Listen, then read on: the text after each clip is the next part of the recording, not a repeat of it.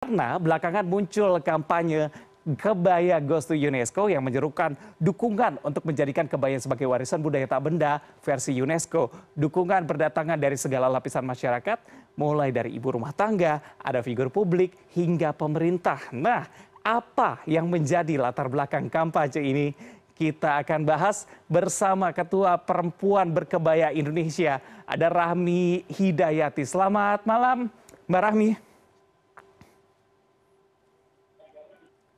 Selamat malam Mbak Rahmi, apa kabar? Mbak Rahmi bisa dengar suara saya? Kedengeran, Mas. Kedengeran jelas. Gimana kabarnya? Ya. Oh.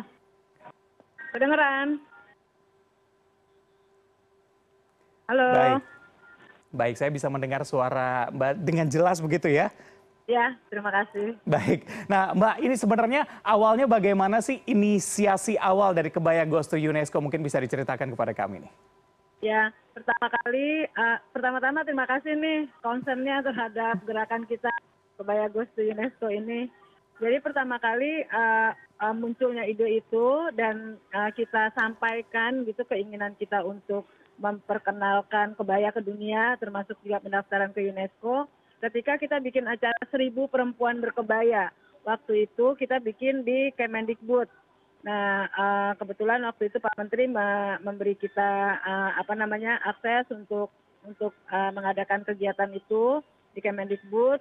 Dan ketika itulah pertama kali disampaikan keinginan kami-kami dari gerakan perempuan berkebaya ini untuk mendaftarkan kebaya ke UNESCO dan adanya penetapan Hari Kebaya Nasional. Hmm. Nah, itu tahun 2017. Kemudian tahun 2021 kemarin bulan April kami mengadakan acara Kongres Berkebaya Nasional. Dan dua hal ini disampaikan secara formal sebagai hasil dari kesepakatan para peserta kongres untuk mendaftarkan ke UNESCO dan penetapan Hari Kebaya Nasional. Nah, sekarang ah, dua hal ini sedang berproses. Itu itulah awalnya. Baik, baik. Berarti sudah mulai dari 2017 kemarin begitu ya. Yang terlibat siapa aja sih Mbak dalam inisiasi ini dan kabarnya PBI Perempuan Berkebaya Indonesia salah satu dari 26 organisasi pecinta budaya yang ikut di dalamnya ya. Ya, tapi yang tahun 2017 itu itu dulu acaranya PBI. Hmm, Kita baik. baru ah, memang PBI yang mengadakan acara Seribu Perempuan Berkebaya Indonesia itu. Dan itu pun kita adakan karena kita ah, tiba-tiba merasa ah, men- ah, waktu itu kita mendapat kabar bahwa negara-negara negara lain tetangga kita itu menyatakan bahwa kebaya itu adalah ah, busana perempuan dari negara tersebut. Hmm. Terus kita merasa wah itu kan sejarahnya adanya di Indonesia, mestinya kita gitu yang menyatakan bahwa itu kebaya uh, adalah busananya perempuan Indonesia. Setelah itulah kita bikin acara seribu perempuan berkebaya itu. Kebetulan ketika itu yang yang saya tahu ya gerakan uh, yang uh, untuk kebaya-kebaya ini baru uh, gerakan perempuan berkebaya. Nah terakhir sekarang uh, karena sudah semakin uh, apa bergaung gitu ya usaha kita untuk pelestarian budaya berkebaya ini akhirnya banyak sekali organisasi-organisasi yang mendukung organisasi-organisasi perempuan. Pemerintah pun mendukung uh, kegiatan-kegiatan kita misalnya Kemenko PMK, Kemendikbud, uh, Kemenkop, uh, terus Kementerian uh, Pariwisata itu mereka dukung kita gitu. Hmm. Nah, nah sekarang ini akhirnya kita banyak sekali nih organisasi-organisasi perempuan yang juga bergerak untuk kebaya. Dan itulah yang akhirnya membuat kita tambah semangat gitu untuk pendaftaran ke UNESCO ini dan untuk penetapan Hari Kebaya Nasional. Oke. Udah ada ratusan sekarang, kalau saya nggak salah ya, eh, teman-teman sudah mendata gitu berapa mm, apa namanya organisasi-organisasi lain yang mendukung gerakan ini. Oke, bahkan sudah sampai ratusan begitu ya. Ini Ya, sejauh betul. ini sudah apa saja yang dipersiapkan? Karena kan memang untuk mendaftarkan ke UNESCO pasti persiapannya cukup panjang dong. Mungkin bisa dibagi kepada kami informasinya nih. Iya, kita belum memutuskan. Jadi eh, mekanisme pendaftaran ke UNESCO itu ada dua. Yang pertama single nomination, kita sendiri yang mendaftarkan. Kita sebagai negara Indonesia yang mendaftarkan sendiri, atau ada namanya eh, joint nomination. Kalau joint nomination itu beberapa negara sama-sama bersatu mereka untuk mendaftarkan ke UNESCO karena budaya itu dianggap eh, yang didaftarkan itu uh, dianggap sebagai budaya yang dilestarikan di negara-negara tersebut. Hmm. Nah, untuk kebaya ini kita belum memutuskan apakah itu nanti kita akan single, kita sendiri, atau kita join gitu. Inilah yang sedang kita persiapkan terus. Nah, kalau untuk join ini ada tiga negara yang sudah siap bergerak. Bahkan uh, terakhir saya dengar juga udah empat negara, Hmm. yaitu Malaysia, Singapura, Brunei, dan Thailand. Nah, tadinya mereka berusaha untuk menggandeng Indonesia untuk ikut juga. Cuman di sini kita belum memutuskan gitu apakah kita akan ikut bersama-sama mereka atau kita akan maju sebagai negara tunggal, sebagai single nomination. Nah, itulah yang belum diputuskan. Nah, sekarang ini pemerintah pun hmm, karena kita di apa ya di uh, apa uh, difasilitasi lah ya untuk berdiskusi dan lain-lain oleh Kemendikbud, oleh Dirjen Kebudayaan Hmm. dan oleh Kemenlu gitu karena urusan ini memang uh, urusan dua uh, inilah dua kementerian ini. Nah, kita uh, dikasih akses untuk berdiskusi uh, untuk mengetahui sebetulnya apa sih yang lebih baik, apakah single atau kita join. Nah, itu yang belum diputuskan. Itu yang harus kita pelajari bersama-sama dampaknya. Kalau kita join gimana dampaknya, kalau kita single gimana dampaknya. Hmm. Karena ada plus minusnya di masing-masing ini.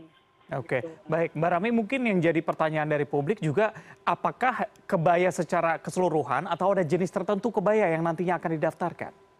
Nah, sekarang ini baru dua kebaya yang sudah ditetapkan sebagai uh, kebaya nasional. Itu kebaya asal Riau sama kebaya yang asal DKI. Itu yang sudah ditetapkan. Tapi misalnya model kebaya kutu baru, model kebaya Kartini seperti yang saya pakai ini, atau model kebaya uh, Bali, kebaya Basiba dari Sumatera Barat, itu kita belum daftarkan sebagai warisan budaya tak benda asal Indonesia. Yang di dalam negeri gitu itu kita belum daftarkan. Nah uh, jadi uh, ya belum diputuskan yang mana yang akan di yang akan dibawa nanti ke UNESCO. Apakah dua ini yang sudah terdaftar di di warisan budayanya Indonesia ataukah nanti kita tunggu pendaftaran dari model-model kebaya yang lainnya. Karena tiap-tiap daerah itu mereka punya ciri khas juga Hmm. untuk kebaya-kebaya tersebut. Oke, baik Mbak Rahmi. Sebenarnya yang jadi pertanyaan dari publik sebenarnya apa apa saja keuntungan atau dampak yang didapatkan setelah nantinya kebaya sudah diakui oleh UNESCO sebagai warisan budaya tak benda? Eh, jadi kalau kebaya itu kan aspeknya banyak tuh. Ada aspek psikologisnya, ada aspek budayanya, ada aspek ekonominya. Nah, itulah yang nanti eh, dampaknya akan gede juga ke aspek-aspek tersebut. Misalnya aspek psikologis. Kalau kita udah tahu bahwa kebaya itu eh, yang eh, milik kita, dunia tahu bahwa itu milik kita, udah udah dikenal oleh dunia, udah terdaftar di UNESCO, mungkin kita akan merasa lebih ada ada uh, perasaan wah saya wajib nih ikut melestarikan kebaya gitu misalnya Hmm. Uh, atau uh, uh, aspek ekonominya ya karena kebaya ini semakin banyak yang memakai semakin besar gaungnya saudara-saudara kita yang uh, apa perempuan-perempuan Indonesia di luar negeri pun mereka berkebaya maka produksi kebaya dan segala perlengkapannya ini akan naik gitu jumlahnya Hmm. akan naik juga uh, mungkin promosinya dan lain-lain secara ekonomi ini akan berpengaruh gitu untuk pengrajin-pengrajin maupun produsen-produsen kebaya. Nah, pengrajin itu misalnya pengrajin batik atau misalnya pengrajin uh, tenun, aksesoris dan lain-lain. Hmm. Jadi Oke. dampaknya akan besar juga. Besar Secara sekali dampaknya begitu ya. Kalau kita ngomongin kebaya goes to UNESCO sendiri kan sudah jadi hashtag begitu ya. Ramai juga di sosial media. Iya. Antusiasme Iya. dari masyarakat sejauh ini seperti apa sih? Wah luar biasa deh. Nih besok kita kan mau ada acara nih Hmm. di ini CFD. Ah, kita bikin acara CFD dalam rangka juga untuk mendukung kebaya Ghost UNESCO itu. Kita juga mendaftarkan ah, ke Muri. Besok juga udah terdaftar gitu ya, udah berproses nih untuk pendaftaran ke Muri gitu. Oke, rencananya ada akan ada berapa banyak eh, warga yang datang menggunakan kebaya besok nih? Ah, yang udah terdaftar Eh? itu ada ah, 6.500 yang terdaftar resmi ya. Wow. kadang-kadang 6.500. nanti mereka datang nggak daftar tapi datang juga gitu. Hmm. Sebelum ini kita juga kan pernah bikin juga acara CFD berkebaya itu dulu yang kita tutup pendaftaran di 3.000 2.500 orang. Tapi di hari H itu yang daftar lebih dari angka itu gitu, yang datang. Oke. Jadi besok ya mudah-mudahan lebih dari 6.500 orang. Iya, pasti seru banget. Kalau tadi eh, Mbak Rami jelasin acara yang di dalam negeri, di luar negeri juga ada. Ini sebelumnya juga ada eh, diaspora Indonesia di Amerika Serikat begitu ya, yang juga meramaikan eh, jalan berkebaya. Mungkin bisa diceritakan juga nih Mbak. Ya, jadi ternyata saudara-saudara kita para perempuan di luar Indonesia ini, di luar negeri kita, nah itu mereka juga uh, punya concern yang tinggi gitu terhadap uh, upaya pelestarian kebaya ini.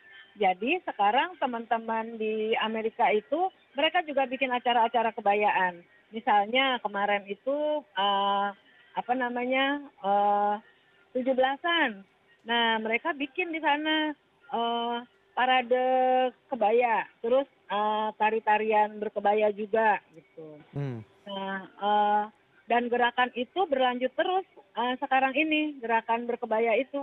Kalau ada acara-acara, mereka tetap ikutan pakai kebaya, gitu. Oke, baik Nah, baik. Pasti seru cuma di banget juga Amerika, ya. sekarang kita juga ada uh, uh, cabang di Eropa. Di Eropa itu negara-negara di Eropa ikutan tuh semua gitu untuk ini uh, apa untuk bergerak sama-sama soal kebaya ini.